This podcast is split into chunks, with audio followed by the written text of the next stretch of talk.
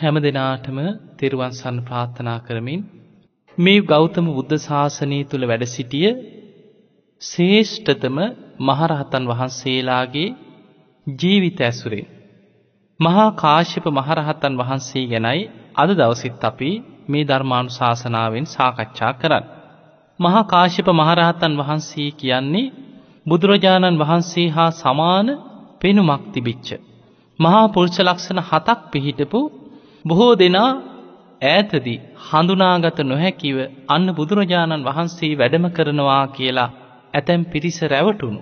මේ ගෞතම බුද්ධ ශාසනයේ තතිය ශ්‍රාවකයන් වහන්සේ හැටියට හඳුන්වන දූතාංග ධාරීන්ගෙන් අගතැම්පත් වූ ශේෂ්ඨතම මහරහතන් වහන්සේ නමක්. පිංහතුනි මහා කාශ්‍යප මහරහතන් වහන්සේගේ ජීවිතේ හරිම පුදුමාකාරයි. අපි ගිය සතියේ ධර්ම දේශනාවෙනුත් ඉරිදා සිටනෙත් අසපුව ධර්ම දේශනාවෙනුත් මහා කාශ්‍යප මහරහතන් වහන්සේගේ ජීවිතයේ කරුණු රැසක් සාකච්ඡා කරන්නට යෙදුණා. මහා කාශ්‍යප මහරහතන් වහන්සේ අපි කවුරුත් දන්නවා බොජ්ජංග දේශනාව. මහා කස්සපත් තේර බොජ්ජංගේ. මහා කාශ්‍යප මහරහතන් වහන්සේ පිප්පලී ගුහාවේ වැඩ ඉන්නකොට උන්වහන්සේ ගිලන් වුණා. රෝගාතුර වුණා. මහා කාශ්‍යප මහරහතන් වහන්සේ රෝගීව බොහෝම අමාරුවෙන් වේදනාව දරාගෙන ඉන්නකොට මේ ගැන බුදුරජාණන් වහන්සේට දැනගන්නට ලැබුණා. එදා බුදුරජාණන් වහන්සේ පිණ්ඩපාතේ වැඩම කරලා මහා කාශ්‍යප මහරහතන් වහන්සේ වැඩ සිටිය පිප්පලී ගුහාවට බුදුරජාණන් වහන්සේ වැඩම කරා. වැඩම කරලා අහනවා මහා කාශ්‍යපය ඔබට වේදනාව දරා ගන්න පුළුවන්ද? ඉවසන්න පුළුවන්ද? කච්චිතේ කමනියන් කච්චි යාපනියන් ඔබේ දුක් වේදනා එන්නේ එන්න අඩු වෙනවද වැඩි වෙනවද කියලා අසනීපේ ගැන බුදුරජාණන් වහන්සේ මහා කාශ්‍යප මහරහතන් වහන්සේගෙන් විමසලා බුදුරජාණන් වහන්සේ වදාළ මහා කාශ්‍යප එහෙමනම් හොඳට හිත පිහිටවාගෙන මේ සති සම්බොජ්ජංගේ ධම්මවිචේ සම්බොජ්ජංගේ විරිය සම්බොජ්ජංගේ ප්‍රීති සම්බොජ්ජංගේ පස්සද්දි සමාධි උපේක්ඛා කියන මේ බොජ්ජංග ධර්මයන් තුල හිත පිහිටවන්න කියලා බුදුරජාණන් වහන්සේ මේ සප්ත බොජ්ජංගයන් ගැන දේශනා කරන්නට යෙදුණා. ඒ වෙලාවේ මහා කාශ්‍යප මහරහතන් වහන්සේ කියන්නේ බොජ්ජංග ධර්ම හොඳට වඩපු කෙනෙක්. බොජ්ජංග ධර්ම දියුණු කරලා ඒ තුල හිත පිහිටවා ගන්න පුළුවන් චිත්ත ශක්තියක් චිත්ත දියුණුවක් ඇති කරගෙන හිටපු නිසාම මහා කාශ්‍යප මහරහතන් වහන්සේට පුළුවන්කම ලැබුණා බුදුරජාණන් වහන්සේ මේ බොජ්ජංග ධර්ම සිහිපත් කරනකොට අර කායික වේදනාවට හිත යොමු කරන්නේ නැතුව තමන් දියුණු කරගත්ත තමන්ගේ ආධ්‍යාත්මයේ තුල වර්ධනය කරගත්ත මේ බොජ්ජංග ධර්මයන් ගැන හිත පිහිටවා ගන්න. එහෙම බොජ්ජංග ධර්ම ගැන හිත පිහිටවා ගන්නවත් සමගම ඒ තුල හිත පිහිටනකොට තමන්ගේ රෝගයේ ඉහේම සුවපත් භාවයට පත් වෙලා අසනීපේ යටපත් වුණා. සුවපත් භාවයට පත් වුණා. අන්න ඒ නිසා අදටත් පිරිවානා පොත් වහන්සේ තුල මහා කස්සපත් තේර බොජ්ජංගේ ඇතුළත් වෙලා තියෙනවා. ඒ නිසා බොහෝ දිනෙක ගිලන් වෙච්ච අවස්ථාවල් වල මේ බොජ්ජංග දේශනාව මහා කාශ්‍යප මහරහතන් වහන්සේගේ මේ ගුණමහිමේ සිහිපත් කරලා බොජ්ජංග දේශනාව සිදු කරන බව අදටත් අපිට දකින්න ලැබෙනවා. පිංගතුනි මහා කාශ්‍යප මහරහතන් වහන්සේගේ ජීවිතේ අපි සඳහන් කරා උන්වහන්සේ බොහෝ වෙලාවට වනාන්තරයේ තුල තමයි හුදකලා වැඩ සිටියේ. සමහර අවස්ථාවල බුදුරජාණන් වහන්සේ වඩිනවා කියලා ඇතැම් අය රැවටෙනවා. අන්න ඒ නිසා බුදුරජාණන් වහන්සේ වැඩ ඉන්න ප්‍රදේශවල නගරවල බොහෝ වෙලාවට උන්වහන්සේ පින්ඩ පාතේ වැඩම කරන්නේ නැතුව උන්වහන්සේ දූතාංග සමාදන් වෙලා හිටියා. මේ දූතාංග අතර පින්ඩ පාතිකාංගය කියලා කියන්නේ පින්ඩ පාතයෙන් පමණයි උන්වහන්සේ යැපෙන්නේ. උන්වහන්සේට කවුරු හරි දානයක් ගෙනහලා ආරාමයට පූජා කරොත් ඒ දානේ මහා කාශ්‍යප මහරහතන් වහන්සේ පිළිගන්නේ නැහැ. උන්වහන්සේ පින්ඩ පාතයෙන් විතරයි යැපෙන්නේ. ඒ වගේම උන්වහන්සේ ඒ දූතාංග අතර සමාදන් වෙනවා එක නිවසකින් එක වතාවයි පින්ඩ පාති වැඩම කරන්න. උන්වහන්සේ එක නිවසකින් එක දවසක පින්ඩ පාති ගත්තනම්. ඊළඟ දවස ඊළඟ නිවසෙන් තමයි පින්ඩ පාති ලබාගන්න.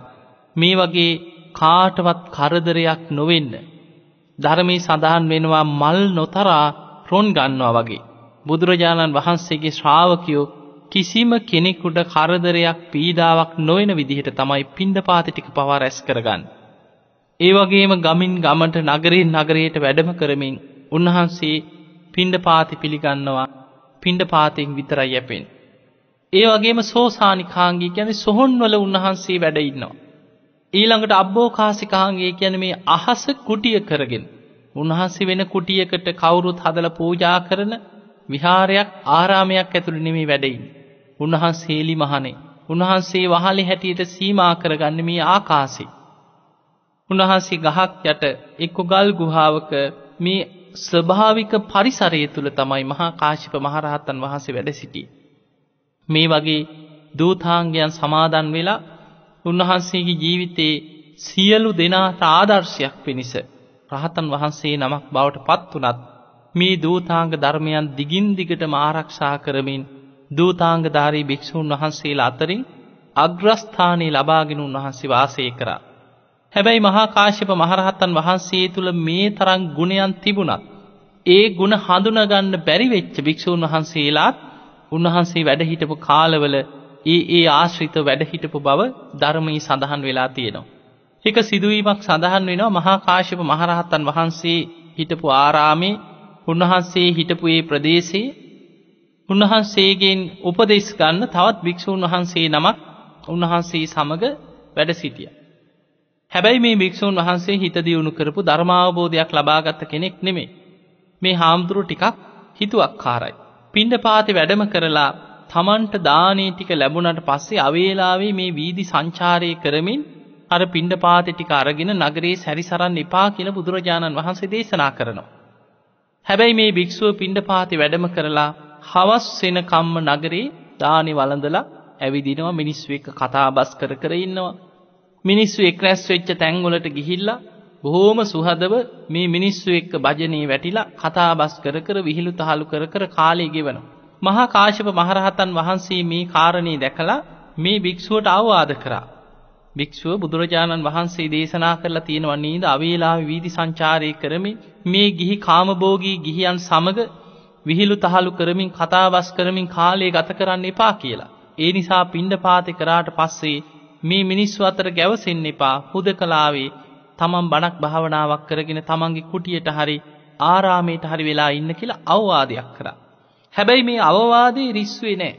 අවවාදයක්ත් එක්ක අනේ මේ බුදුරජාණන් වහන්සේගේ ධර්මයෙන් නේද මට මේ අවවාදයක් කරන්න. කොයි තරන් දෙයක්ද කියලා අවවාදී පිළිගන්න තරං නිහතමානී වුණේ නෑ. මහා කාශිප මහරහතන් වහන්සේ අවවාද කරාට පස්සේ වෛර බැන්ද. කොයි තරම් වෛරයක් ඇතිවුණාද කියන ඔන්න බලන්න ස්වභාවේ.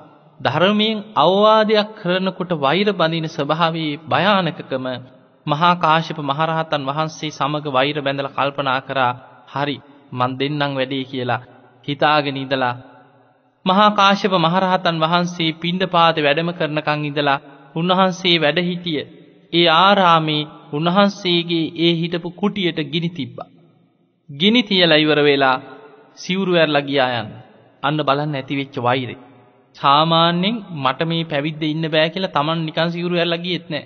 අර අවවාද කරපු මහරහතන් වහන්සේගේ කුටියට ගිනි තියලා තමයි ගියේ. මෙවැනි පිරිසත් බුදුරජාණන් වහන්සේ වැඩහිටිය කාලිමේ බුද්ධ ශාසනය ඉඳලා තියෙනවා. ඒ නිසා මහරහතන් වහන්සේලාට පවා නොයෙක් විදියට නින්දා අපහස කරපු සිදුවී මහරහතන් වහන්සේලාට හිංසා පීඩා කරපු සිදුවී ධර්මී බොහෝ තැංගුල සඳහන් වෙලා තියෙනවා. දවසක් මහා කාශිප මහරහතන් වහන්සේ උන්වහන්සේ භාවනා කරනකොට දැක්කා අමුතුම විදිහ අමනුස්සේ. මුළු ශරීරයේ පුරාම දුගදක් හමනෝ. ඒ වගේම ඇගේ අස්ති කොටස් කැඩිලා කුඩු වෙලා විසිරිලා යනවා. ආයමත් පහළ වෙනවා. පිංහතුනි ඕපපාතික සත්‍යයන්ගේ ස්වභාවේ මැරි මැරි ආය ආයමත් ඒ සුරූපේම පහළ වෙනවා ආයමත් වේදනා විඳමින් ශරීර විනාස වෙනවා. මෙවැනි අමනුස්්‍යයන් ගැන ධර්මය නොයෙක් තැංගුල සඳහන් වෙලා තියෙනවා. මහා කාශිප මහරහතන් වහන්සේ දැක්කා මහා විශාල අකුසල විපාකයක් හැටියට. කෑ ගහමින් විලාප දෙමින් මුළු ශරීරයේම අස්ති පවා කුඩු වෙලා විසිරිලා යන අමනුස්සේ. ආයමත් සකස් වෙනවා ආයමත් ශරීරය හැදෙනවා. ආයමත් ටික වෙලාවකින් මුළු ශරීරයේම කුඩු වෙලා විසිරිලා යනවා. මේ අමනුස්්‍යය දැකලා මහාකාශිප මහරහත්තන් වහන්සේ කල්පනා කරා මේ තරන් දුක්විඳින. මේ තරං අකුසල විපාකයන් කරගත් අමනුස්යොත් මේ ලෝකෙ සත්‍යයන් අතර ඉපදිලා ඉන්නව නේද. මහ විශාල කර්ම විපාකයක් ගෙවන කෙනෙ. මේ විස්තරී දැනගන්නට ඕන කියලා මහා කාශිප මහරහත්තන් වහන්සේ මේ අමනුස්්‍යයගෙන් අහනවා ඔබ මොනවගේ අකුසලයක් කරලද ඔවැනි උපතක් ලැබුණේ අන්නේ වෙලේ මේ අමනුෂ්‍යයා මහා කාශ්‍යප මහරහතන් වහන්සේ ළඟට ඇවිල්ලා කියනවා අනේ ස්වාමීනි මම පෙර මනුස්ස ලෝකෙ හිටපු කෙනෙක්. බොහෝ කාලයකට පෙර නෙමෙයි මීට අවුරුදු කීපයකට පෙර එදා බුදුරජාණන් වහන්සේ කුසිනාරා නුවර මල්ල රජදරුවන්ගේ උපවර්තන ශාල වනෝද්‍යානයේ පිරිනිවන් පාපු කාලේ ඒ දිනවල මං මනුස්ස ලෝකෙ හිටියේ. එහෙමනම් අපිට පේනවා බුදුරජාණන් වහන්සේ පිරිනිවන් පාල අවුරුදු කීපයකට පස්සේ තමයි මහා කාශ්‍යප මහරහතන් වහන්සේට මේ අමනුෂ්‍යයා දකින්න ලැබිලා තියෙන්නේ. මේ අමනුෂ්‍යයා කියනවා ස්වාමීනි බුදුරජාණන් වහන්සේ පිරිනිවන් පෑවට පස්සේ උන්වහන්සේගේ ශ්‍රී දේහය ආදාහනෙන් පසු ධාතුන් වහන්සේලා වන්දනා කරන්න බොහෝ පිරිස් මල් සුවඳ විලවුන් පූජා ද්‍රව්‍ය අරගෙන පිටත් වෙලා ගියා.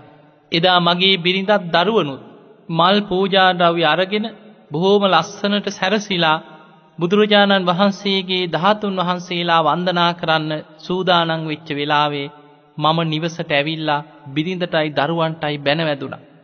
මොකටද උඹලා ඔය ඇට කෑලිවලට වඳින්න යන්නේ. කෙනෙක් මිය පරලව ගිහිල්ලා ආදාහනය කරාට පස්සේ ඉතුරු වෙන ওই අස්ති කොටස් ඇට කෑලි වලට වැඳලා මොකද්ද තියෙන ප්‍රයෝජනේ කියලා මම බිරිඳටත් දරුවන්ටත් බැනවැදුණා. ස්වාමීනි මගේ බිරිඳයි දරුවනුයි මම කියන දේ ඇහුවේ නෑ. ඒ අය මල් පූජා ද්‍රව්‍ය අරගෙන ගිහිල්ලා බුදුරජාණන් වහන්සේගේ ඒ අස්ති ධාතුන් වහන්සේලාට පුද පූජා රැස් කරගත්තා. මේ හේතුව නිසා මම තව තවත් ධාතුන් වහන්සේලාට ගරහා කරා නින්දා කරා බැනවැදුණා. ස්වාමීනී අන්නේ අකුසල විපාකයෙන් තමයි කියනවා මම මරණයට පත්වෙලා මේ ප්‍රීතයෙක් වෙලා ඉපදුනේ. බලන්න බුදුරජාණන් වහන්සේගේ ශාරීරික දහතුන් වහන්සේලාට මේ ඇටකෑලිවලට වැඳලා ඇති ප්‍රයෝජනය මොකක්ද කියලා බැනවැදීම. නින්දා අපහස කිරීමේ අකුසල විපාකයෙන් තමයි ප්‍රේතයෙක් වෙලා ඉපදිලා තියෙන්. එතකොට බලන්න මේ කර්ම විපාකේ කොයි තරං විදිහට විපාකයක් හැටියට විඳවනවද කියන්නේ මේ ප්‍රේතයාගේ ශරීරයේ අස්ති කොටස් පවා කුඩු වෙලා විසිරිලා යනවා. විලාප දෙනවා කෑ ගහනවා වේදනාවෙන් ආයෙමත් ශරීරය හැදෙනවා. මුළු ශරීරයේම දුගදක් හමනවා ශරීරයේ මස් කඩා හැලෙනවා මේම වේදනාවෙන් විලාප දිදී ටික වෙලාවක් ඉන්නකොට ආයෙමත් ශරීරේ කුඩු වෙලා විසිරිලා යනවා. මේ වගේ විලාප දෙමින් කර්ම විපාකයක් ගෙවන අමනුස්සේ අන්න ධාතුන් වහන්සේලාට ගැරහීමේ විපාක. ඒ වෙලේ මහා කාශ්‍යප මහරහතන් වහන්සේ අහනවා ප්‍රේතය ධාතුන් වහන්සේලාට බැනවැදිච්ච නින්දා පහස කරපු ඔබට මෙවැනි උපතක් ලැබුණා නම් ඒ ධාතුන් වහන්සේලාට වන්දනාමාන කරලා මල් පූජා කරලා සුවඳ වර්ග ගෙනihin පූජා කළ වන්දනා කරපු ඔබේ බිරිඳයි දරුවනුයි දැන් කොහෙද ඉපදිලා ඉන්නේ? ඒ අය ඉන්න තැන ඔබට පේනවද කියලා ඇහුවා. අන්න ඒ වෙලාවේ මේ ප්‍රේතයා කියනවා අනේ ස්වාමීනි මගේ බිරිඳයි දරුවනුයි. මිය පරලොව ගිහිල්ලා දැන් දෙව්ලොව ඉපදිලා. අහසින් දිව්‍ය රතවල නැගලා යනවා. බොහෝ සැප සම්පත් විඳින ආකාරය මට පේනවා කීවා අනේ ස්වාමීනි මමම කරපු අකුසල් නිසායි මම මේ ධාතුන් වහන්සේලාට ගරහා කරලා ධාතුන් වහන්සේලාට බැනවැදිලා නිඳා කරලා රැස් කරගත් අකුසල් නිසායි කියනවා මම මේ විපාක විඳින්නේ. මේක තියෙනවා පේතවත්වයේ ධාතු විවන්නක පේතවත්තුව නමින් සඳහන් වෙලා තියෙනවා මේ ප්‍රේතය දකින්න ලැබුණේ මහා කාශ්‍යප මහරහතන් වහන්සේට. පිංහතුනි බුදුරජාණන් වහන්සේ පිරිනිවන් පෑවට පස්සේ මේ බුද්ධ ශාසනයේ සම්පූර්ණම වගකීම කරටගත්තේ මහා කාශ්‍යප මහරහතන් වහන්සේ. බුදුරජාණන් වහන්සේදා මල්ල රජදරුවන්ගේ උපවර්තන සාල වනෝද්‍යානයේ පිරිනිවන් පානකොට. මේ බුද්ධ ශාසනයේ අග්‍රශ්‍රාවකයන් වහන්සේලා හැටියට සාරිපුත්ත මහරහත්තන් වහන්සේ පිරිනිවන් පෑව බුදුරජාණන් වහන්සේ පිරිනිවන් පාන අවුරුද්ධකට පෙර. මුගලන් මහරහතන් වහන්සේ පිරිනිවන් පෑවේ සාරිපුත්ත මහරහත්තන් වහන්සේ පිරිනිවන් පාලා දින පහළවකට පමණ පස්සි. ඒ කියන අවුරුද්ධකට පමණ පෙර සාරිපුත්ත මොගල්ලාන කියන මහරහත්තන් වහන්සේලා දෙනම. අග්‍රශ්‍රාවකයන් වහන්සේලා දෙනම බුදුරජාණන් වහන්සේට පෙර පිරිනිවන් පානෝ. ඒක ලෝක ධර්මතාවයක්. සෑම බුදුරජාණන් වහන්සේ නමකගේම ශාසනයක් තුළ අග්‍රශ්‍රාවක මහරහතන් වහන්සේලා දෙනම බුදුරජාණන් වහන්සේට පෙරම පිරිනිවන් පානෝ. අග්‍රශ්‍රාවක මහරහතන් වහන්සේලා පිරිනිවන් පෑවට පස්සේ. ඊළඟට වැඩයින් අසූ මහා ශ්‍රාවක මහරහතන් වහන්සේලා අතරින් ප්‍රධානම කෙනා බවට පත්වෙන්නේ තතිය ශ්‍රාවකයන් වහන්සේ. සාරිපුත්ත මොග්ගල්ලාන මහරහත්තන් වහන්සේලා දෙනමගින් පස්සේ බුද්ධ ශාසනයේ ශේෂ්ඨතම මහරහත්තන් වහන්සේ බවට පත්වනේ දූතාංගධාරීන් අතර අග තැන්පත් මහා කාශ්‍යප මහරහතන් වහන්සේ. හැබැයි බුදුරජාණන් වහන්සේ මල්ල රජදරුවන්ගේ උපවර්තන සාල වනෝද්‍යානයේ පිරිනිවන් පානකොට මහා කාශ්‍යප මහරහතන් වහන්සේ වැඩහිටියේ පාවානුවර. උන්වහන්සේ වනාන්තරයේ හුදකලාව තමයි බණ භාවනා කරමින් විවේකයෙන් වැඩහිටියේ. හැබැයි මහා කාශ්‍යප මහරහතන් වහන්සේට බුදුරජාණන් වහන්සේ පිරිනිවන් පාන ආකාරي ඒ සිදුවීම දැක බලා ගන්න අවස්ථාවක් ලැබුණේ නැහැ. බුදුරජාණන් වහන්සේ පිරිනිවන් පෑවා කියන පණවිඩේ මහා කාශ්‍යප මහරහතන් වහන්සේට දැනුණා. එදා බුදුරජාණන් වහන්සේ මල්ල රජදරුවන්ගේ උපවර්තන ශාල වනෝද්‍යානයේ පිරිනිවන් පානකොට මහ පොළොව කම්පාවට පත් වුණා. දසදහසක් ලෝක ධාතුවම කම්පාවට පත් වෙමින් අකාලි ගිකුරුන් දීලා වැස්සක් ඇදහැළුණා. එදා මේ කම් පොළොව කම්පා වෙනකොට මහා කාශ්‍යප මහරහතන් වහන්සේ උන්වහන්සේ අදිෂ්ඨානයක් කළ බැලුව මොකක්ද මේ හේතුව? මහ පොළොව කම්පා වුණේ මගේ ශාස්ත්‍රූන් වහන්සේ බුදුරජාණන් වහන්සේ මල්ල රජදරුවන්ගේ උපවර්තන ශාල වනෝද්‍යානයේ පිරිනිවන් පාලා කියන කාරණේ උන්වහන්සේට වැටහුණා.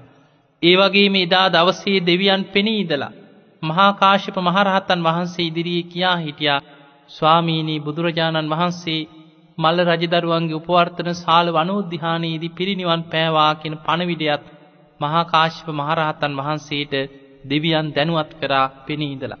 එදා මහා කාශ්‍යප මහරහතන් වහන්සේ 500ක් තමන්ගේ ශිෂ්‍ය භික්ෂූන් වහන්සේලා පිරිවරාගෙන පාවා නුවර ඉඳන් පිටත් වුණා මල්ල රජදරුවන්ගේ උපවර්තන ශාල වනෝද්‍යානයේ කරා. මෙහෙම පිටත් වෙලා එන අතරතුරදීත් බොහෝ පිරිස් මගදිගට මුණ ගැහුණා බුදුරජාණන් වහන්සේගේ ශ්‍රී දේහයේ වන්දනා කරලා යන පිරිස මදාරා මල් අරගෙන යනවා. පිංහතුනි මදාරා මල් කියන්නේ දෙවියන්ට අයිති දෙයක්. දිව්‍ය ලෝකවල මැවෙන දෙවියන්ට පහළ වෙන ඊතා සුවඳ මල් වර්ගයක් තමයි මදාරා මල්.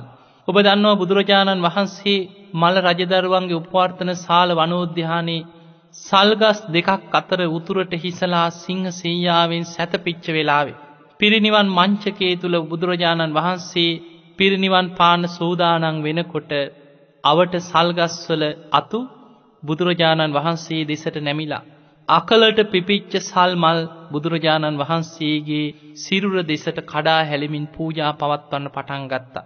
ඒ වගේම අහසේ දසදහසක් ලෝකධාතුලින් රැස්වෙච්ච දෙවියන් අහසේ ඉඳම් මදාරාමල් ලිහින්න පටන් ගත්තා. දිවිය බෙර දිවිය තූරිය වාදනවලින් බුදුරජාණන් වහන්සේට පූජා පවත්වමින් දිවිය වූ සුගන්ධයන් අහසේ ඉඳං ඉසින්න පටන් ගත්තා. අන්නේ වෙලේ තමයි බුදුරජාණන් වහන්සේ ආනන්ද හාමුදුරන්ට කතා කරලා කියන්නේ ආනන්දය බලන්න මේ අකලට පිපිච්ච සල්මල් බුදුරජාණන් වහන්සේට මේ අතු ශ්‍රී දේහයේ දෙසට බුදුරජාණන් වහන්සේගේ සිරුරට කඩා හැලෙමින් පූජා පවත්වනවා. බුදුරජාණන් වහන්සේට අහසේ ඉඳන් දෙවියන් මදාරා මල් ලිහිනවා. ආනන්ද බුදු කෙනෙකුට කරන නියම පූජාව බුදුරජාණන් වහන්සේ අවබෝධ කරගත්ත ධර්මී හැසිරීමමයි කියලා බුදුරජාණන් වහන්සේ දේශනා කරා. එදා බුදුරජාණන් වහන්සේ මල්ල රජදරුවන්ගේ උපවර්තන ශාල වනෝද්‍යානයේ පිරිනිවන් පෑවට පස්සේ. උන්වහන්සේගේ පිරිනිවන් පා වදාළ ශ්‍රී දේහය සතියක් මහජන ප්‍රදර්ශනයට තැබුවා. මේ සතිය තුළ බොහෝ පිරිස් රාජරාජ මහා මාත්‍යවරු නොයෙක් නගරවල ඉඳං ඈත් ප්‍රදේශවල ඉඳං ඇවිල්ලා. බුදුරජාණන් වහන්සේගේ ශ්‍රී දේහයට වන්දනාමාන කරමින් මල් පූජා කරමින් වන්දනාමාන කටයුතුවල යෙදුණා. මේ විදිහට ශ්‍රී දේහයේ සතියක් මහජන ප්‍රදර්ශනයට තබපු වෙලාවේ. ශ්‍රී දේහයේ වන්දනාමාන කරන්න පැමිණිච්ච පිරිස මදාරාමල් අර අහසින් දෙවියන් බුදුරජාණන් වහන්සේට ඉහින ලද අහසේ ඉදන් පූජා පවත්වන ලද මේ මදාරාමල් අහුලගත්ත පිරිස. බොහෝම සුවඳ දිව්‍යමය වූ සුගන්ධයක් ඇති මදාරාමල් අතේ අරගෙන තම තමන්ගේ ප්‍රදේශවලට පිටත් වෙලා යනවා. ඒ ගැන සිහිකර කර යනකොට මගදී මේ මදාරාමල් අරගෙන යන අයත් මහා කාශ්‍යප මහරහතන් වහන්සේට මුණ ගැහුණා. උන්වහන්සේ අහනවා මේ දෙවියන්ට අයිති මදාරාමල් අරගෙන කොහේ ඉඳන්ද මේ පිරිස එන්නේ? අන්න එතකොට මේ පිරිස වන්දනා කරලා කියනවා අනේ ස්වාමීනි බුදුරජාණන් වහන්සේ මල්ල රජදරුවන්ගේ උපවර්තන ශාල වනෝද්‍යානයේ පිරිනිවන් පෑවා. උන්වහන්සේගේ ශ්‍රී දේහයේ වන්දනාමාන කරලා ඉන අතරතුර මේ අහසේ ඉඳන් දෙවියන් පූජා පවත්වන ලද මදාරාමල් අහුලගෙන අපි මේ යන ගම මේ කාරණේ මගදිගටත් මුණ ගැහෙන අයගෙන් මහා කාශ්‍යප මහරහතන් වහන්සේ දැනගත්තා. දැනගෙන උන්වහන්සේ පාවා නුවර ඉඳන් සතියක් ගත වුණා උන්වහන්සේට පයින් වැඩම කරන්න තමන්ගේ ශිෂ්‍ය භික්‍ෂූන් වහන්සේලා පිරිවරාගෙන කුසිනාරාව කරා. මහා කාශප මහරහතන් වහන්සේ වැඩම කරනකොට බුදුරජාණන් වහන්සේගේ ශ්‍රී දේහේ සතියක් මහජන ප්‍රදර්ශනයට තියලා.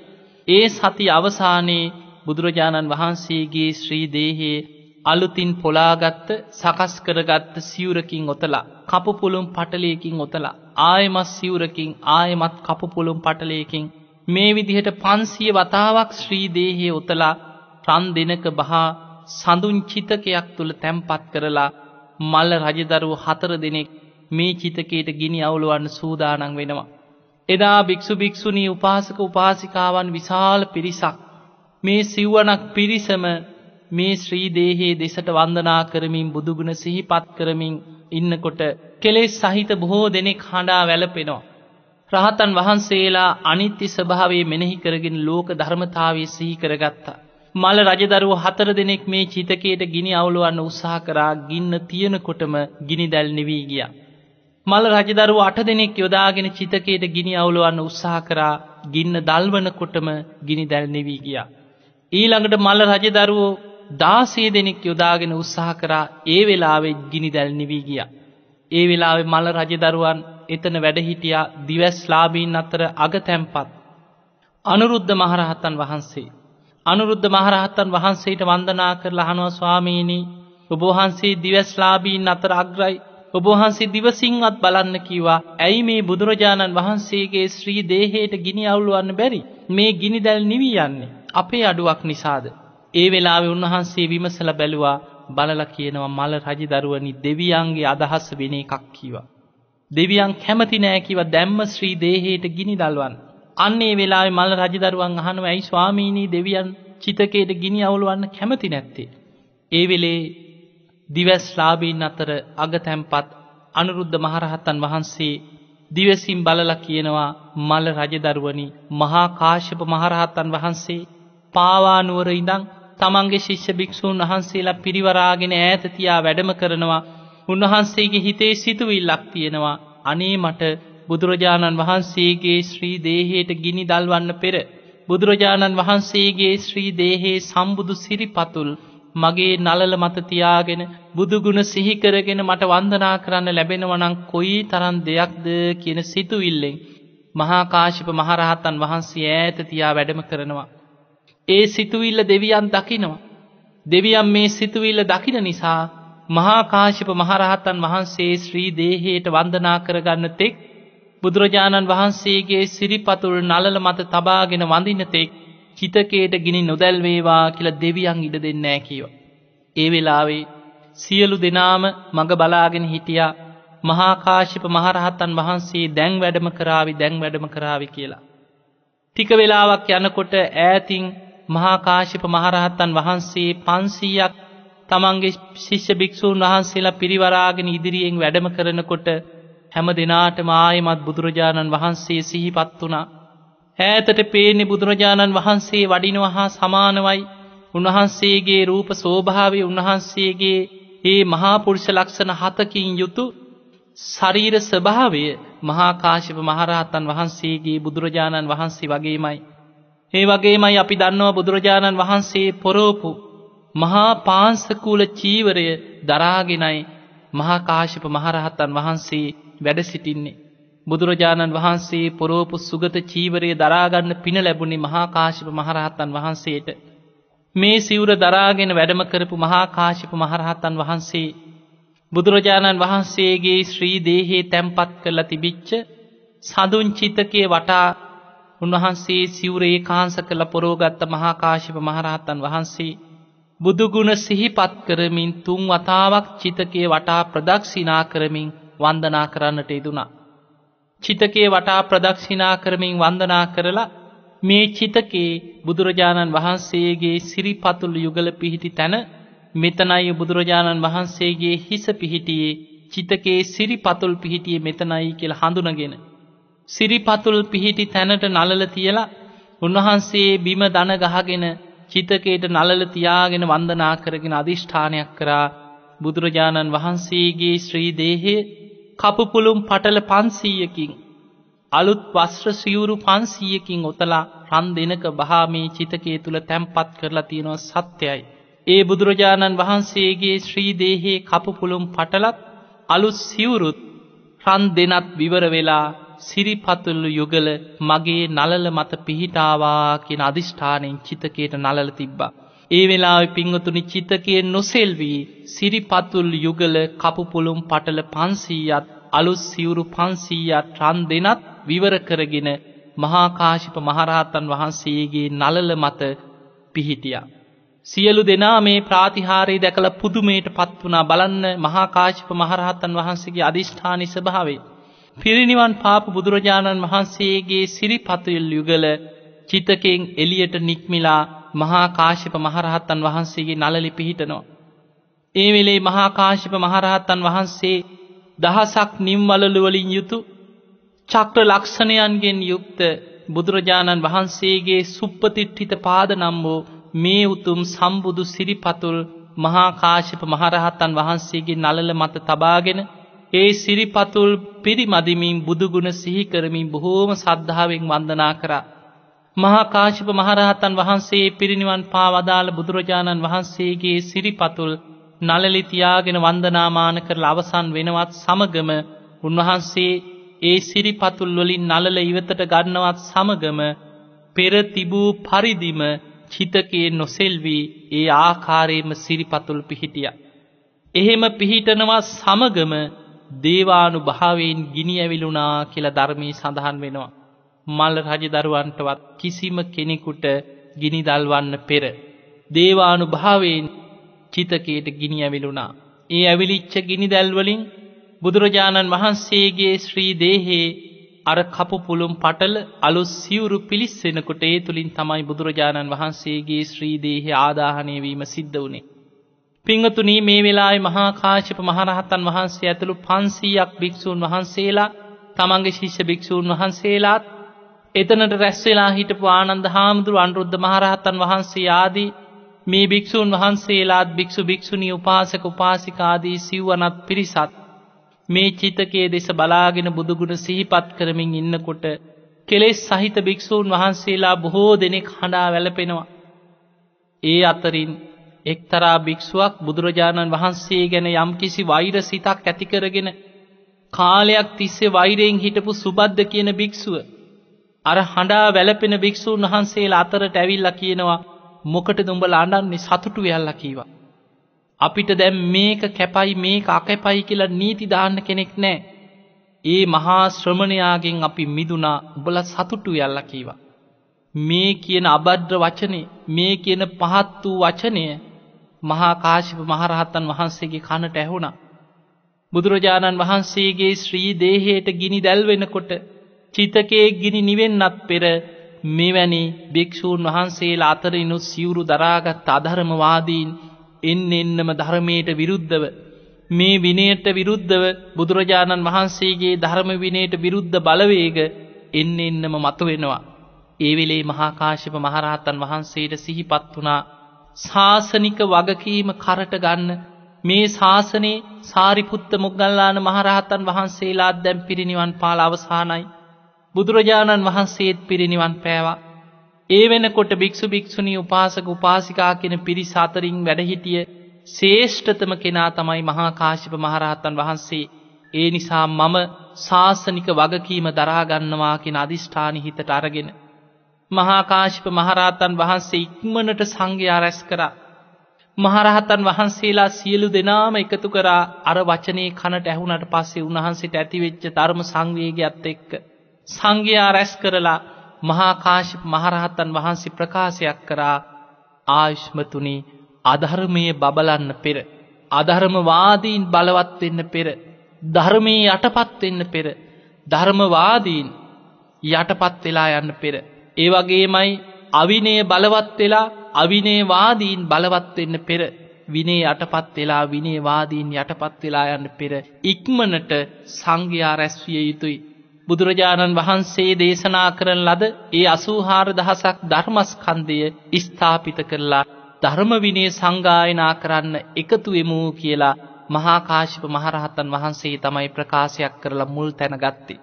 එදා අර සුබද්ධ කියන භික්‍ෂුව බුදුරජාණන් වහන්සේගේ ශ්‍රී දේහය ආදාහනය වෙනකොට ඒ ප්‍රකාශ කරපු අබද්ධ වචනයේ පහත් වචනය අහලා මහාකාශප මහරහත්තන් වහන්සේ ඉක්මනට සංඝයා රැස් කරලා ධර්ම සංගායනාවකට සූදානන් වුණා. එදා බුදුරජාණන් වහන්සේ පිරිනිවන් පෑවට පස්සේ මේ ශ්‍රී දේහේ ආදාහනයෙන් පස්සේ ධාතුන් වහන්සේලා බෙදා දෙන්නත් මහාකාශප මහරහත්තන් වහන්සේගේ මූලිකත්වයෙන් තමයි ද්‍රෝණ බමුණා මැදිහත් වෙලා ධාතුන් වහන්සේලා ඉල්ලගෙනාපු රජවරු අට දෙනෙක්කුට ධාතු ද්‍රෝණය බැගින් බෙදාදීම කටයුතු සූදානන් කරේ. ඒ විතරක් නෙමෙයි මේ සර්වඥ ධාතුන් වහන්සේලා බෙදල දෙන වෙලාවේ බුදුරජාණන් වහන්සේගේ විශාලම ධාතුන් වහන්සේ වන ලලාට ධාතුන් වහන්සේ නලල් තලය ලැබුණේ මල්ල රජදරුවන්ගේ ධාතු කොටසට තමයි ලලාට ධාතුන් වහන්සේ හිමි වුණේ. එදා මල්ල රජදරුවන්ගේ ධාතුන් වහන්සේලා කොටසට ලලාට ධාතුන් වහන්සේ ලැබිච්ච වෙලාවේ මහාකාශිප මහරහත්තන් වහන්සේ ඉදිරිපත් වුණා ඉදිරිපත් වෙලා මල්ල රජදරුවන්ට කියනවා මල්ල රජදරුවනි බුදුරජාණන් වහන්සේ ජීවමාන වැඩඉන්න කාලේ බුදුරජාණන් වහන්සේ මට මෙවැනි ප්‍රකාශයක් කරලා තියෙනවා. මහා කාශ්‍යපය අනාගතයේ තතාගත බුදුරජාණන් වහන්සේකි පිරිනිවන් පෑමෙන් පසුව ඉතිරිවෙන ධාතුන් වහන්සේ අතරින් විශාලම ධාතුන් වහන්සේ වන ලලාට ධාතුන් වහන්සේ ලංකාද්වීපයේ මහවැලි ගඟ අසබට මෙවැනි චෛත්‍යයක ඉදිවෙනවා එදා කාවන්තිස්ස නම් රජ කෙනෙක් අනාගතයේ පහළ වෙලා රන්රුවනින් යුතු බුදුරජාණන් වහන්සේගේ බුද්ධ ප්‍රතිමාවක් නිලලා ඒ නලල් තලේ මත ලලාට ධාතුන් වහන්සේ තැම්පත් කරලා ලංකාද්වීපයේ පූජනීය චෛත්‍යයක් ඉදිකරනු අනාගතය කියලා ඒ විස්තරේ බුදුරජාණන් වහන්සේ මට කියලා තියෙනවා. ඒ නිසා මල්ල රජදරුවනි ලලාට ධාතුන් වහන්සේ මට ලබා දෙන්න මම ශිෂ භික්‍ෂූන් වහන්සේලාට පවරලා පරම්පරාවෙන් ආරක්ෂා කරගෙන ගෙනහෙන් නියමිත කාලයේ ලංකාද්වීපයට ලැබෙන සලස්වන්නං කියලා මහාකාශිප මහරහතන් වහන්සේ තමයි ලලාට ධාතුන් වහන්සේ ධාතු බෙදන වෙලාව ඉල්ලගත්තේ. ඒ විදිහට බුදුරජාණන් වහන්සේගේ විශාලම ධාතුන් වහන්සේ වන ලලාට ධාතුන් වහන්සේ මහාකාශිප මහරහත්තන් වහන්සේ ලබාගෙන තමන්ගේ ශිෂ්‍ය භික්ෂුවකට පැවරුවා මේ ලලාට ධාතුන් වහන්සේ අරගෙන ගිහිල්ලා බුදුරජාණන් වහන්සේ වැඩ සිටිය එදා විශාලා මහනුවර කූටාගාර ශාලාවේ ගන්ධ කුටියේ තැම්පත් කරලා ජියමාන බුදුරජාණන් වහන්සේට සේ වැඳුම් පිදුම් කරන්න කියල ලබාදීලා ලලාට ධාතුන් වහන්සේ ආරක්ෂා කරගෙන පරම්පරාවෙන් අරගෙනාව. පිංහතුනේ මහාකාශප මහරහත්තන් වහන්සේ මේ ධාතු බෙදන ආදී කටයුතු සිදු කරලා. බුදුරජාණන් වහන්සේ පිරිනිවන් පාල හරියටම මාස තුනක් අවසන් වෙන පුන් පොහෝ දවසේ ප්‍රථම ධර්ම සංගායනාව කරන්න සියලු කටයුතු සූදානන් කරා. එදා ඒ ධර්ම සංගායනා වෙනුවෙන් මහරහතන් වහන්සේලා පන්සිය නමක් යොදාගත යුතුයි කියෙන සම්මුති ඇතිකරගත්තේ මහාකාශප මහරහතන් වහන්සේ. ඒ වෙනකොට සද්ධාවන්ත රජවරු අතරින් බොහෝම සද්ධාවෙන් කටයුතු කරපු අජාසත්ත රජතුමාගේ රාජ්‍ය අනුග්‍රහය පරිදි රජගහනුවර පිප්පලී ගුහාාව ඉදිරිපිට සකස් කරන ලද බොහෝම ලස්සන මණ්ඩපයක් තුළ ධර්ම සංගායනාව පිණිස මහා කාශ්‍යප මහරහත්තන් වහන්සේගේ මූලිකත්වයෙන් සියලු කටයුතු සූදානන් කරලා ඒ වෙනකොට සෝවාන් ඵලයට පමණක් පත් වෙලා හිටපු ආනන්ද හාමුදුරුවන්ව නිතර නිතර උනන්දු කරේ මහා කාශ්‍යප මහරහතන් වහන්සේ.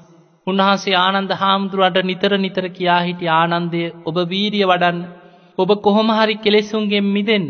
ඔබ නැතුව මේ ධර්ම සංගායනාව කරන්න පුළුවන්කමක් නෑ. ඔබ තමයි බුදුරජාණන් වහන්සේගේ ධර්මය දරාගත්ත ධර්ම බහන්ඩාගාරිකයන් වහන්සේ. ඔබවහන්සේ මේ ධර්ම සංගායනාවට අවශ්‍යමයි ඔබවහන්සේ වීරිය වඩලා ඉක්මනට රහත් වෙන්න කියලා මහාකාශප මහරහත්තන් වහන්සේ ආනන්ද හාමුදුරුවන්ව නිරන්තරයෙන් උත්සාහවත් කර. ධර්ම සංගායනාවට පෙර දවසි තමයි ආනන්ද හාමුදුරුව වීරිය වඩලා උතු මරහත්වයට පත්වෙලා සංගායනා සභාවට වැඩම කරේ. එදා සියල්ල සම්පූර්ණ වුණා මහාකාශප මහරහත්තන් වහන්සේගේ මූලිකත්වේ පන්සීයක් මහරහතන් වහන්සේලා එකතු වෙලා මෙන්න ධර්මය මෙන්න විනය මෙන්න බුද්ධ ශාසනය කියලා. බුදුරජාණන් වහන්සේ අවුරුදු හතලිස් පහක් පුරාවට දේශනා කරන ලද සියලු බුද්ධ වචන එකතු කරලා අසූහාර දහසක ධර්මයම සංගායනා කරලා ධර්මවිනය ස්ථාපිත කරන්නට යෙදුනේ මහාකාශප මහරහතන් වහන්සේගේ මූලිකත්වය යටතේ. පිංහතුනී මහාකාශප මහරහත්තන් වහන්සේ මේ විදිහට ධර්ම සංගායනාව කරල අවසන් වෙලා උන්වහන්සේ දවසක් භාවනා කරලා විමසල බැලුවා බුදුරජාණන් වහන්සේගේ ශාරීරික ධාතුන් වහන්සේලා අවුරුදු පන්දාහක් යනතෙක් දෙව්මිනිසුන්ගේ වන්දනා ලබමින් පවතීවා කියල බුද්ධ අධිෂ්ඨානය පිහිටවලා මේ බිඳී විසිරීගිය සර්වඥ ධාතුන් වහන්සේලා මේ වෙනකොට රජවරු අට දෙනෙකුට ධාතු ද්‍රෝණය බැගින් බෙදල දුන්නා ඒ ඒ රජවරු ධාතුන් වහන්සේලා අරගෙන ගිහිල්ලා චෛත්‍ය හදල වන්දනා කරනවා මේ ධාතුන් වහන්සේලාට අනාගතයේ අනතුරක් හිරිහැරයක් උපද්‍රවයක් සිදුවෙනවාද කියලා උන්වහන්සේ දිවසිං අනාගතයේ දිහා විමසුවා. මහා කාශ්‍යප මහරහතන් වහන්සේ මෙහෙම විමසල බලනකොට උන්වහන්සේ දකිනවා තව නොබෝ කාලයකින් තම අවුරුදු සියගානක් යනකොට මිත්‍යාදුෘෂ්ටික රජවරු මේ දඹදිව බලවත් වෙලා මේ අන්‍ය තීර්ථක මිත්‍යාදුෘෂ්ටික රජවරු මේ චෛත්‍ය විනාස කරලා ධාතුන් වහන්සේලාට හානි උපඩ්‍රව සිදු කරන්න උත්සාහ කරනවා. ඒ නිසා ධාතුන් වහන්සේලාට අනතුරුදායක කාලයක් අනාගතේනවා. ඒ කාලයේ මගහැරෙනතෙක් මේ ධාතුන් වහන්සේලා ආයමත් එකතු කරලා පොළොව ඇතුළේ කාටවත් හොයාගන්න බැරි විදිහට ආරක්ෂිතව ධාතු නිධානයක් කළ යුතුයි කියලා මහාකාශිප මහරහත්තන් වහන්සේ දිවසිං අනාගතයේ දිහා බලල තීරණය කරා. මේ තීරණය ගත්ත මහාකාශිප මහරහත්තන් වහන්සේ අජාසත්ත රජ්ජුරු මුණගැහිල කියනව රජතුමනි බුදුරජාණන් වහන්සේගේ ධාතුන් වහන්සේලාට අනාගතය උපට්‍රවයක් හානියක් සිදුවෙන්න ඉඩ තියෙනවා. ඒ නිසා අපි බෙදලදීපු ධාතුන් වහන්සේලා ඩ්‍රෝන අටෙන් ඩ්‍රෝන හතක් අපි එකතු කරලා පොළොව ඇතුළි කාටවත් හොයන්න බැරි විදිහි ධාතු නිධානයක් කළ යුතුයි. ඒ වෙලේ අජාසත්ත රජතුමා කියන අනේ ස්වාමීනී ධාතුන් වහන්සේලා බෙදල දෙන වෙලාවෙත් තව ටිකෙන් යුද්ධයකට පැටලෙන්න සිද්ධ වෙනවා. ද්‍රෝණ බමුණ මැදිහත් වෙලා තමයි සියලු දෙනා සමගි කෙරෙව්වේ. මේ බෙදලදීපු ධාතුන් වහන්සේලා ඉල්ලන්න ගියොත් ආයමත් ඒ ඒ රජදරුවන් එක්ක යුද්ධයකට පැටලෙන්න වෙයි. ඔබහන්සේලාම මැදිහත් වෙලා ඒ රජවරු දැනුවත් කරලා එහෙම නැත්නං ඔබහන්සේලාගේ ඉරදි බලයෙන් මේ ධාතුන් වහන්සේලා ලබා දෙන්න මම ධාතු නිධානය කරන්නම් ඔබහන්සේ මට උපදෙස් දෙන්න කියලා අජාසත්ත රජතුමා ඉදිරිපත් වුණා. මහාකාශප මහරහතන් වහන්සේගේ උපදෙස් පරිදි අර බෙදලදීපු ද්‍රෝණ හතෙන් රාමගාම නගරයේ කෝලිය රජදරුවන්ට දීපු ධාතු ද්‍රෝණි ඇරෙන්න ඉතුරු ද්‍රෝණ හතම එකතු කරා. එකතු කරගෙන ඇවිල්ලා රජගහනුවර විශාල ගල් පරවතයක් ඉරදියෙන් අතුරු දහන් කරලා ආරක්ෂාවල් දාලා කාටවත් මේ ගැන දැනගන්න නොලැබෙන විදිහට පොළොව ඇතුළට හාරලා මහාකාශප මහරහතන් වහන්සේගේ උපදෙස් පරිදි පොළොව ඇතුළේ ධාතු නිධානයක් සිදු කරා. මේ ධාතුන් වහන්සේලා ද්‍රෝණ හත පොළොව ඇතුළි නිදං කරලා චෛත්‍යයක හැඩේට බැඳලා මහාකාශප මහරහත්තන් වහන්සේ මේ ධාතුන් වහන්සේලා සහිත ද්‍රෝණ හතකින් යුක්ත මේ ධාතු නිධානයට පහන් දල්වලා මල් පූජා කරලා අධිෂ්ඨානයක් කරා. අනාගතයේ තව අවුරුදු දෙසිය ගානක් ගිය තැන ධර්මාසෝක නමින් රජ කෙනෙක් පහළ වෙලා මේ ධාතුන් වහන්සේලා ගැන දැනගෙන මේ ධාතුන් වහන්සේලා මෙතනින් ලබාගෙන අසූහාරදාහක් වෙහෙර විහාරස්ථානවල මේ ධාතු තැන්පත් කරනවා. එතෙක් මේ පහන් නොනිමේවා කියල මහාකාශව මහරහතන් වහන්සේ අධිෂ්ඨාන කර. එතෙක් මේ මල් පර නොවේවා මේ ගල්වන ලද සුවඳ ඒ ආකාරයෙන්ම පවතීවා කියෙන අධිෂ්ඨානයෙන් පොළොව තුළ ධාතුන් වහන්සේලා ද්‍රෝණ හතක් පොළොව ඇතුළෙ නිදන් කරා. මෙහෙම නිදන් කරලා මහාකාශප මහරහත්තන් වහන්සේ කියනවා රජතුමනි මේ ආරක්ෂාව අපට සුදුසු මදි. දෙවියන්ට ආරාධනා කරලා ආරක්ෂාවක් කළ යුතුයි කියලා දෙවියන්ට ආරාධනා කරලා ඒ වෙලේ දෙවියන් තමයි මේ ධාතු නිධානයට ඉහලින් වාල සංගටකය කියලා කඩු කරකැවෙන යන්ත්‍රයක් මැව්වයි. මේ විදියට වාල සංගටකේ නමින් කඩු කරකැවෙන යන්ත්‍රයක් මවලා ඊට ඉහලින් කාටවත් හොයාගන්න බැරිවෙන්න පොළොව තිබ්බ විදිහටම සකස් කරලා අර අතුරු දහන් කරපු ගල් පරවතයේ මත පිහිටෙව්වා. මේ විදිහට ධාතු නිධානයක් සිදු කෙරෙව්වෙත් මහාකාශිප මහරහත්තන් වහන්සේගේ උපදෙස් පරිදි. පිංහතුනි මේ විදියට මහාකාශව මහරහත්තන් වහන්සේ බුදුරජාණන් වහන්සේ පිරිනිවන් පෑවට පස්සේ මුළු බුද්ධ ශාසනික වගකීම කරට අරගෙන උන්වහන්සේ ශාසනික දියුණුව වෙනුවෙන් කටයුතු කරා. මහාකාශප මහරහත්තන් වහන්සේගේත් ආයුෂ දින සති මා සවුරුදු ගෙවීගෙන ගෙවීගෙන ගිහිල්ලා උන්වහන්සේටත් පිරිනිවන් පාන දිනය ලංවුණා. ඒ වෙනකොට මහාකාශප මහරහත්තන් වහන්සේගේ වයස අවුරුදු එකසිය විස්සක්. උන්වහන්සේ අවුරුදු එකසිය විස්සක්ම වැඩහිටිය. එදා මහාකාශප මහරහත්තන් වහන්සේ විමසල බැලුවා උන්වහන්සේට පිරිනිවන් පාන දිනය ළඟයි. පිරිනිවන් පාන්න ඕන කොයි ආකාරයටද කියලා එදා උදෑසන සමාපත්තියෙන් බලනකොට උන්වහන්සේ දැක්කා එදා හවස් වරුවේ ඉර අවරට යන වෙලාවේ මහා කාශ්‍යප මහරහත්තන් වහන්සේට පිරිනිවන් පාන්න දිනේ ලං වෙනවා. පිරිනිවන් පාන්න ආකාරය හරිම පුදුම සහගතයි ගිරිපාද ගිරි කියන මේ ගල් පරවත තුන මැද්දෙ තමයි උන්වහන්සේ පිරිනිවන් පාන්නේ. පිරිනිවන් පෑවට පස්සෙ මේ පරවත තුනම එකට ඇමිනිලා පරවත තුනම එකක් හැටියට පිහිටලා උන්වහන්සේගේ දේහය අවුරුදු ලක්ෂ ගානක් යනතෙක් අනාගතයේ මෛත්‍රී බුදුරජාණන් වහන්සේ පහළ වෙලා ඒ භූමියට පැමිණිලා ඒ පර්වතයේ දෙස බලන කොටයි මේ පරවතයේ විවර වෙලා මහාකාශිප මහරහතන් වහන්සේගේ දේහය මෛත්‍රී බුදුරජාණන් වහන්සේගේ ශ්‍රී හස්තයට පැමිණිලා ඒ හස්තේ මත තමයි ආදාහනය වීම සිද්ධ වෙන්නේ. මේක හරිම පුදුම සිදුවීමක් මහාකාශිප මහරහතන් වහන්සේ මේ සිදුවෙන සියල්ල සමාපත්තියෙන් දකිනවා. දැකලා උන්වහන්සේදා උදෑසමන භික්‍ෂූන් වහන්සේලා රැස් කරලා කියා හිටියා ආශ්මතුනි අද හවස ගිරිපාදගිරි කියලා හඳුන්වන කුක්කුට සමපාත කියන මේ පර්වත තුන මැද්දේ අද හවස් සරුවීර අවරට යන වෙලාවේ මම පිරිනිවන් පානවා කියලා භික්‍ෂූන් වහන්සේලාට දැනුවත් කරා. ඒ වෙලේ බුදුරජාණන් වහන්සේ පිරිනිවන් පෑවට පස්සේ භික්‍ෂු භික්‍ෂුණි උපාසක උපාසිකා කියන පිරිසට බුදුරජාණන් වහන්සේගේ ඒ අඩුව පුරවන්න වැඩහිටිය මහාකාශප මහරහතන් වහන්සේත් අනේ අද පිරිනිවන් පානවා කියල බොහෝ පිරිස හඬා වැලපෙන්න්න පටන්ගත්තා. එදා මහාකාශප මහරහත්තන් වහන්සේ පින්ඩ පාති වැඩම කරලා උන්වහන්සේ ගෙපිළිවලින් පින්ඩ පාති වැඩම කරලා කල්පනා කරා අද පිරිනිවන් පාන බව මේ තරන් සද්ධාවෙන් කටයුතු කරන අජාසත්ත රජතුමාට දැනුම් දෙන්නට ඕන කියලා මහාකාශප මහරහත්තන් වහන්සේ පින්ඩ පාති වැඩම කරලා රජතුමාගේ මාලිගාවට වැඩම කරා. මහාකාශිප මහරහතන් වහන්සේ අජාසත්ත රජතුමාගේ මාලිගාවට වැඩම කරපු වෙලේ අමාත්‍යවරු කියනවා ස්වාමීනී රජතුමා දැන් නිදාගෙන රජතුමා ආහාර අරගෙන නින්දට ගිහිල්ලා රජතුමාව නැකිට්ටවන්න නම් පුළුවන්කමක් නෑ අමාත්‍යවරු බයයි රජතුමාව නැකිට්ටවන්න රජතුමාට බොහෝ බියක් දක්වනු අමාත්‍යවරු.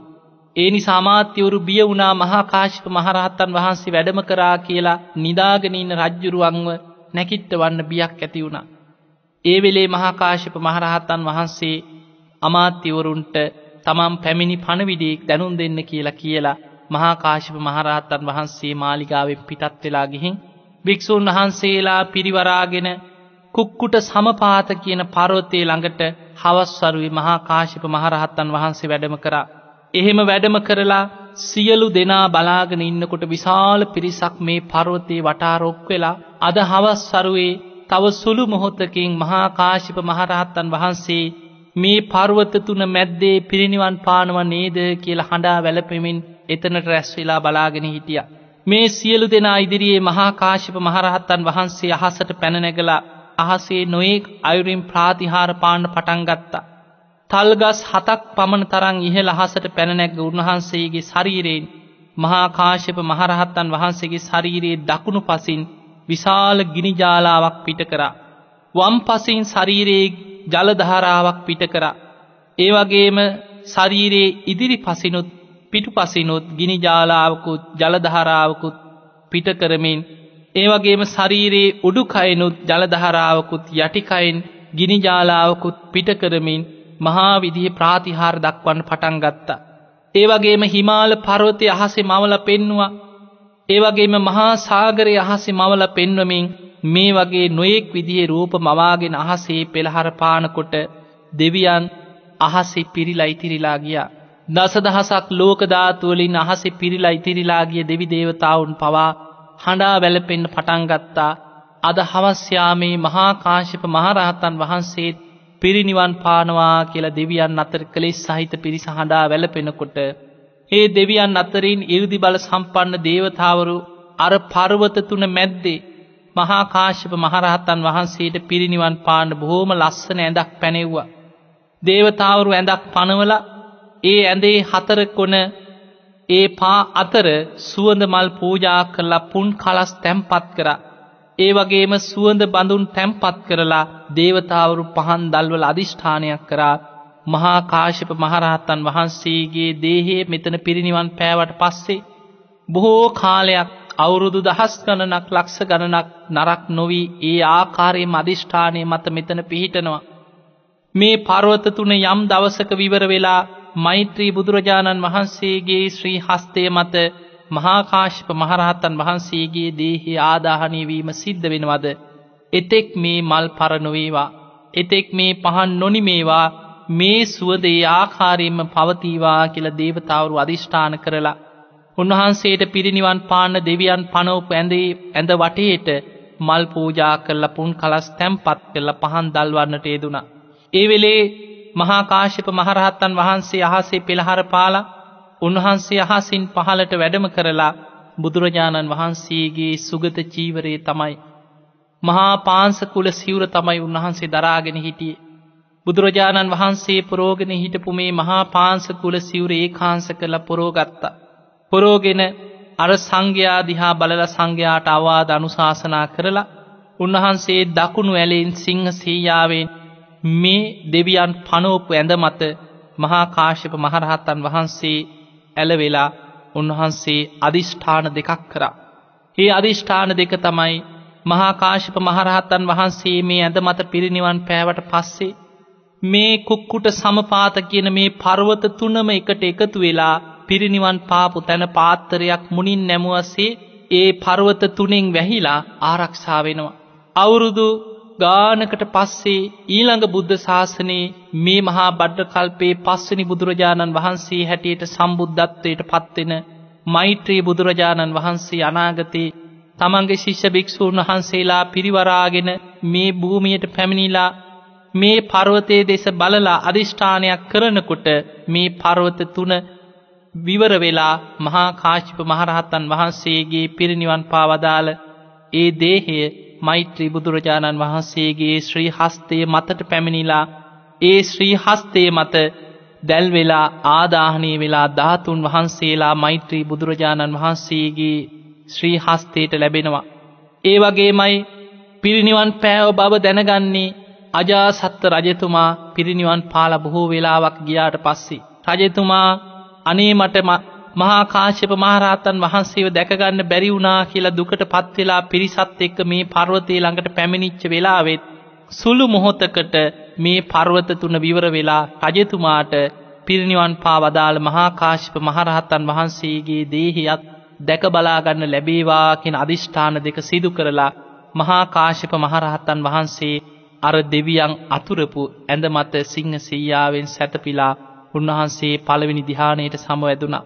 දෙවනි දිහානයට තුන්වෙනි දිහානයට හතරවෙනි දිහානයට සමවැදිලා ආකාසානංචායතන විඤ්ඥානංචායතන ආකින් චඥායතන නේව සංඥානා සංඥායතනකින් අරූප දිහානයන්ට සමවැදිලා නිරෝධ සමාපත්තියට සමවැදුනා. ආයමත් සමාපත්තිය එකින්න එක එකින්න එක එකින්න එක අඩුකරගෙන අඩුකරගෙන ඇවිල්ලා පළවෙනි දිහානයේ දක්වා සමවැදුනා. පළවෙන් දිහානයෙන් දෙවනි දිහානයට දෙවන් දිහානයෙන් තුන්ගනි දිහානයට තුන්ගනි දිහානයෙන් හතරවෙනි දිහානයට සමවැදිලා හතරවෙනි දිහානයෙන් නැගී සිටිනවත් සමගම මේ මහා බද්ධ කල්පේ ගෞතම බුදුරජාණන් වහන්සේගේ ශාසනය දූතාංග ධාරීන් අතර අග තැම්පත්කම ලැබූ තතිය ශ්‍රාවකයන් වහන්සේ හැටියට බුද්ධ ශාසනී වෙනුවෙන් මහා මෙහිවරක් කර මහාකාශප මහරහත්තන් වහන්සේ කුක්කුට සමපාත කියන මේ පර්වත තුන මැද්දේ දෙවියන් අතුරපු ඒ ඇඳ මත උන්වහන්සේ පිරිනිවන් පාවදාලා. උන්වහන්සේ පිරිනිවන් පානවත් සමගම අර පර්වත තුනම එකට යාවෙලා උන්වහන්සේ පිරිනිවන් පාපුයේ තැන ඒ ඇඳ පිහිටි තැන පාත්තරයක් මුනින් නැමුවා හා සමානව ඒ තැන ආරක්ෂාවමින් පර්වත තුන එකට යාවුණා. එදා හවස්වරුවේ රජතුමා නිදාගෙන ඉදලා නැකිට්ටට පස්සේ අමාත්‍යවරු රජතුමාට කියා හිට රජතුමනි මහා කාශ්‍යප මහරහත්තන් වහන්සේ පැමිණිලා උන්වහන්සේ බොහෝ වෙලාවක් ඉඳලා දවල් කාලේ රජතුමා නිදාගෙන හිටපු වෙලාවෙ පිටත් වෙලා ගියා අද උන්වහන්සේ කුක්කුට සමපාත කියන පර්වත තුන මැද්දේ පිරිනිවන් පාලා කියල පණවිඩේ කියනකොට රජතුමා සීසුන් වුණා. රජතුමාට උක් පැණිදාපු බෙහෙත්තොරු තුනක් හදලා කිරි ඔරු තුනක රජතුමා බැස්සුව කියල සඳහන් වෙනවා. තුන් වතාවක් රජතුමා අජාසත්ත රජතුමා මහාකාශප මහරහත්තන් වහන්සේ පිරිනිවන් පෑවා කියන පණවිඩිය අහල සිහි නැති වුණා. ඊට පස්සේ දුකට පත්වෙච්ච රජතුමා ඉක්මනට මල් පූජාද්‍රව්‍ය ආදී විශාල ප්‍රමාණයක් මල් රැස් කරගෙන තමන්ගේ ඇමතිවරු රාජරාජ මේ අමාත්‍යවරු සියලු දෙනා පිරිවරාගෙන මේ කුක්කුට සමපාත කියන පර්වතය ළඟට බොහොම සද්ධාවෙන් දුවගෙන දුවගෙන පැමිණියා. රජතුමා මේ පර්වතය ළඟට ඇවිල්ලා පර්වතයේ වටේට මල් පූජා කළ අධිෂ්ඨානයක් කරා අනේ මට මහාකාශව මහරහතන් වහන්සේගේ දේහේ දැකබලාගන්න ලැබේවා කියලා. ඒ වෙලාවේ මහාකාශව මහරහත්තන් වහන්සේත් රජතුමා මෙතනට පැමිණිලා මෙවැනි සිතුවිල්ලක් හිතනකොට මේ පර්වත තුන විවර වෙලා රජතුමාට දේහේ දැකබලාගන්න ලැබේවාකින් අධිෂ්ඨානී කරලයි උන්වහන්සේ පිරිනිවන් පෑවේ. මහා කාශ්‍යප මහරහතන් වහන්සේගේ අධිෂ්ඨානයනුත් අජාසත් රජතුමාගේ අධිෂ්ඨානයනුත් අර පර්වත තුන විවර වෙලා සුළු මොහොතකට රජතුමාට මහාකාශ්‍යප මහරහතන් වහන්සේගේ පිරිනිවන් පා වදාළ ඒ ශ්‍රී දේහයේ දැක බලාගන්න අවස්ථාව ලැබුණා. රජතුමා පුදුම සද්ධාවෙන් පූජාද්‍රව්‍ය පූජා කරලා මේ පර්වතයට වන්දනා කරලා එතනින් ඉවත් වෙනකොටම ආයෙමත් අර පර්වත තුනේ ඒ ආකාරයටම පිහිටියා. පින්වතුනි අදටත් රජගහනුවර කුක්කුට සමපාත කියන මේ පර්වතය අද හඳුන්වන්නේ ගිරිපාද ගිරි කියන නමේ. මේ පර්වත තුන මැද්දේ මහා කාශ්‍යප මහරහතන් වහන්සේගේ ශ්‍රී දේහයේ අදටත් පර්වත තුන මැද්දේ ඒ ආකාරයෙන්ම පවතිනවා. අනාගතයේ මෛත්‍රී බුදුරජාණන් වහන්සේ පහළ වෙලා උන්වහන්සේ භික්‍ෂූන් වහන්සේලා පිරිවරාගෙන මේ පර්වත තුන ළඟට පැමිණියාට පස්සේ තමයි මේ පර්වතයේ විවර වෙන්නේ. එදාට මෛත්‍රී බුදුරජාණන් වහන්සේගේ ශ්‍රී හස්තය මතට මහාකාශප මහරහතන් වහන්සේගේ දේහෙ අරගෙන තමන්ගේ ශාසනය ඉන්න භික්‍ෂූන් වහන්සේලාට මේ දේහේ පෙන්නමින් ගුණ කියනවා. මහනෙනි මේ තමයි අතීතයේ වැඩ සිටිය ගෞතම බුදුරජාණන් වහන්සේගේ ශාසනයේ දූතාංග ධාරීන් අතර අගතැම්පත් මහාකාශිප මහරහත්තන් වහන්සේ කියලා උන්වහන්සේගේ ගුණ නොයෙක් අයුරින් වර්ණා කරමින් මෛත්‍රී බුද්ධ ශාසනය තුළ සංඝයාට මේ මහාකාශිප මහරහත්තන් වහන්සේගේ දේහේ පෙන්නමින් මෛත්‍රී බුදුරජාණන් වහන්සේ ගුණ කියල අවසන් වෙනකොටම විශාල ගිනි ජාලාවකින් දැවිලා පිලිස්සිලා ධාතුන් වහන්සේලා සියල්ල මෛත්‍රී බුදුරජාණන් වහන්සේගේ ශ්‍රී හස්තේටයි ලැබෙන්නේ. එනිසා පිංගතුනි අද මේ වෙනකොට මහාකාශිප මහරහත්තන් වහන්සේගේ දේහි ආදාහනය නොවී ඒ අධිෂ්ඨානයේ මත මේ පර්වත තුන මැද්දෙ තියෙන නිසා මහාකාශිප මහරහත්තන් වහන්සේගේ ධාතුන් වහන්සේලා අදටත් අපිට ලැබිල නෑ ඒ ධාතුන් වහන්සේලා ලැබෙන්නේ මෛත්‍රී බුද්ධ ශාසනයේ මෛත්‍රී බුදුරජාණන් වහන්සේගේ ශ්‍රී හස්තේ මතයි. නමුත් මේ වෙනකොට ලංකාවඉන්න අපිට ජියවමානව වැඩ සිටිද්දී මහාකාශිප මහරහත්තන් වහන්සේගේ ඒ උන්වහන්සේගේ වැටිච්ච දළදා වහන්සේ නමක් අද බෙන්තර ගලපාත රජමහා විහාරයේ ඒ චෛත්‍යයේදි තැන්පත් වෙලා තියෙනවා. ඒ ඉතිහාසය බොහොම පැහැදිලි ජියවමානව වැඩ සිටිද්දි වැටිච්ච දළදා වහන්සේ නමක් තමයි ලංකාවට ලැබිලා බෙන්තර ගලපාත රජමහා විහාරයේ තුළ වැඩ සිටින්නේ. ඒ නිසා අපි බොහෝම වාසනාවන්ත පිරිසක් අපි සියලු දෙනාම මහාකාශප මහරහත්තන් වහන්සේගේ මේ සියලු ගුණයන් සිහිපත් කරගෙන දූතාංගධාරී නතර අගතැම්පත් තතිය ශ්‍රාවකයන් වහන්සේ වන මහාකාශප මහරහත්තන් වහන්සේට මම නමස්කාර කරමි මාගේ නමස්කාරය වේවා කියල සඟගුණ සිහිපත් කරගෙන උන්වහන්සේට වන්දනාමාන කරමු. පිංහතුනි අද ධර්ම දේශනාවෙන් අපි රැස් කරගත්ත සියලූම පුුණ්‍ය ධර්මයන් සියලු දෙවියන්ට අනුමෝදන් කරමු. දෙවියෝ මේ පින්දක බලා අනුමෝදන් වෙත්වා. දෙවියන්ගේ දිවි අස ඉසුරු වර්ධනය කරගෙන සියලු දෙවියෝ වහමහා සසරදුකින් අතමිදේවා කියලා සාදු කියල දෙවියන්ට පින් අනුමෝදන් කරමු. ධර්මේ ශ්‍රවණය කර ඔබ සෑම සිල් දෙනා නමෙන් මිය පරලෝගේ සියලු ඥාතීනුත් මේ පින් අනුමෝදන් වෙලා වහවහා සසරදුකින් අතමිදේවා කියල සාදු කියල පින් අනුමෝදන් කරන්න ධර්මී ශ්‍රවණය කර ලක්වාසී ලෝවාසී හැම දෙනාටමත් මේ ධර්ම දේශනාමේ පුුණ්‍ය මහිමෙන් හැම දෙනාටම නිදුක් නීරෝගී භාවේ සැලසේවා උතුම් වූ ධර්මාබෝධයම ලැබේවා ලැබේවා ලැබේවා කියට ප්‍රාර්ථනය ඇති කරගන්න.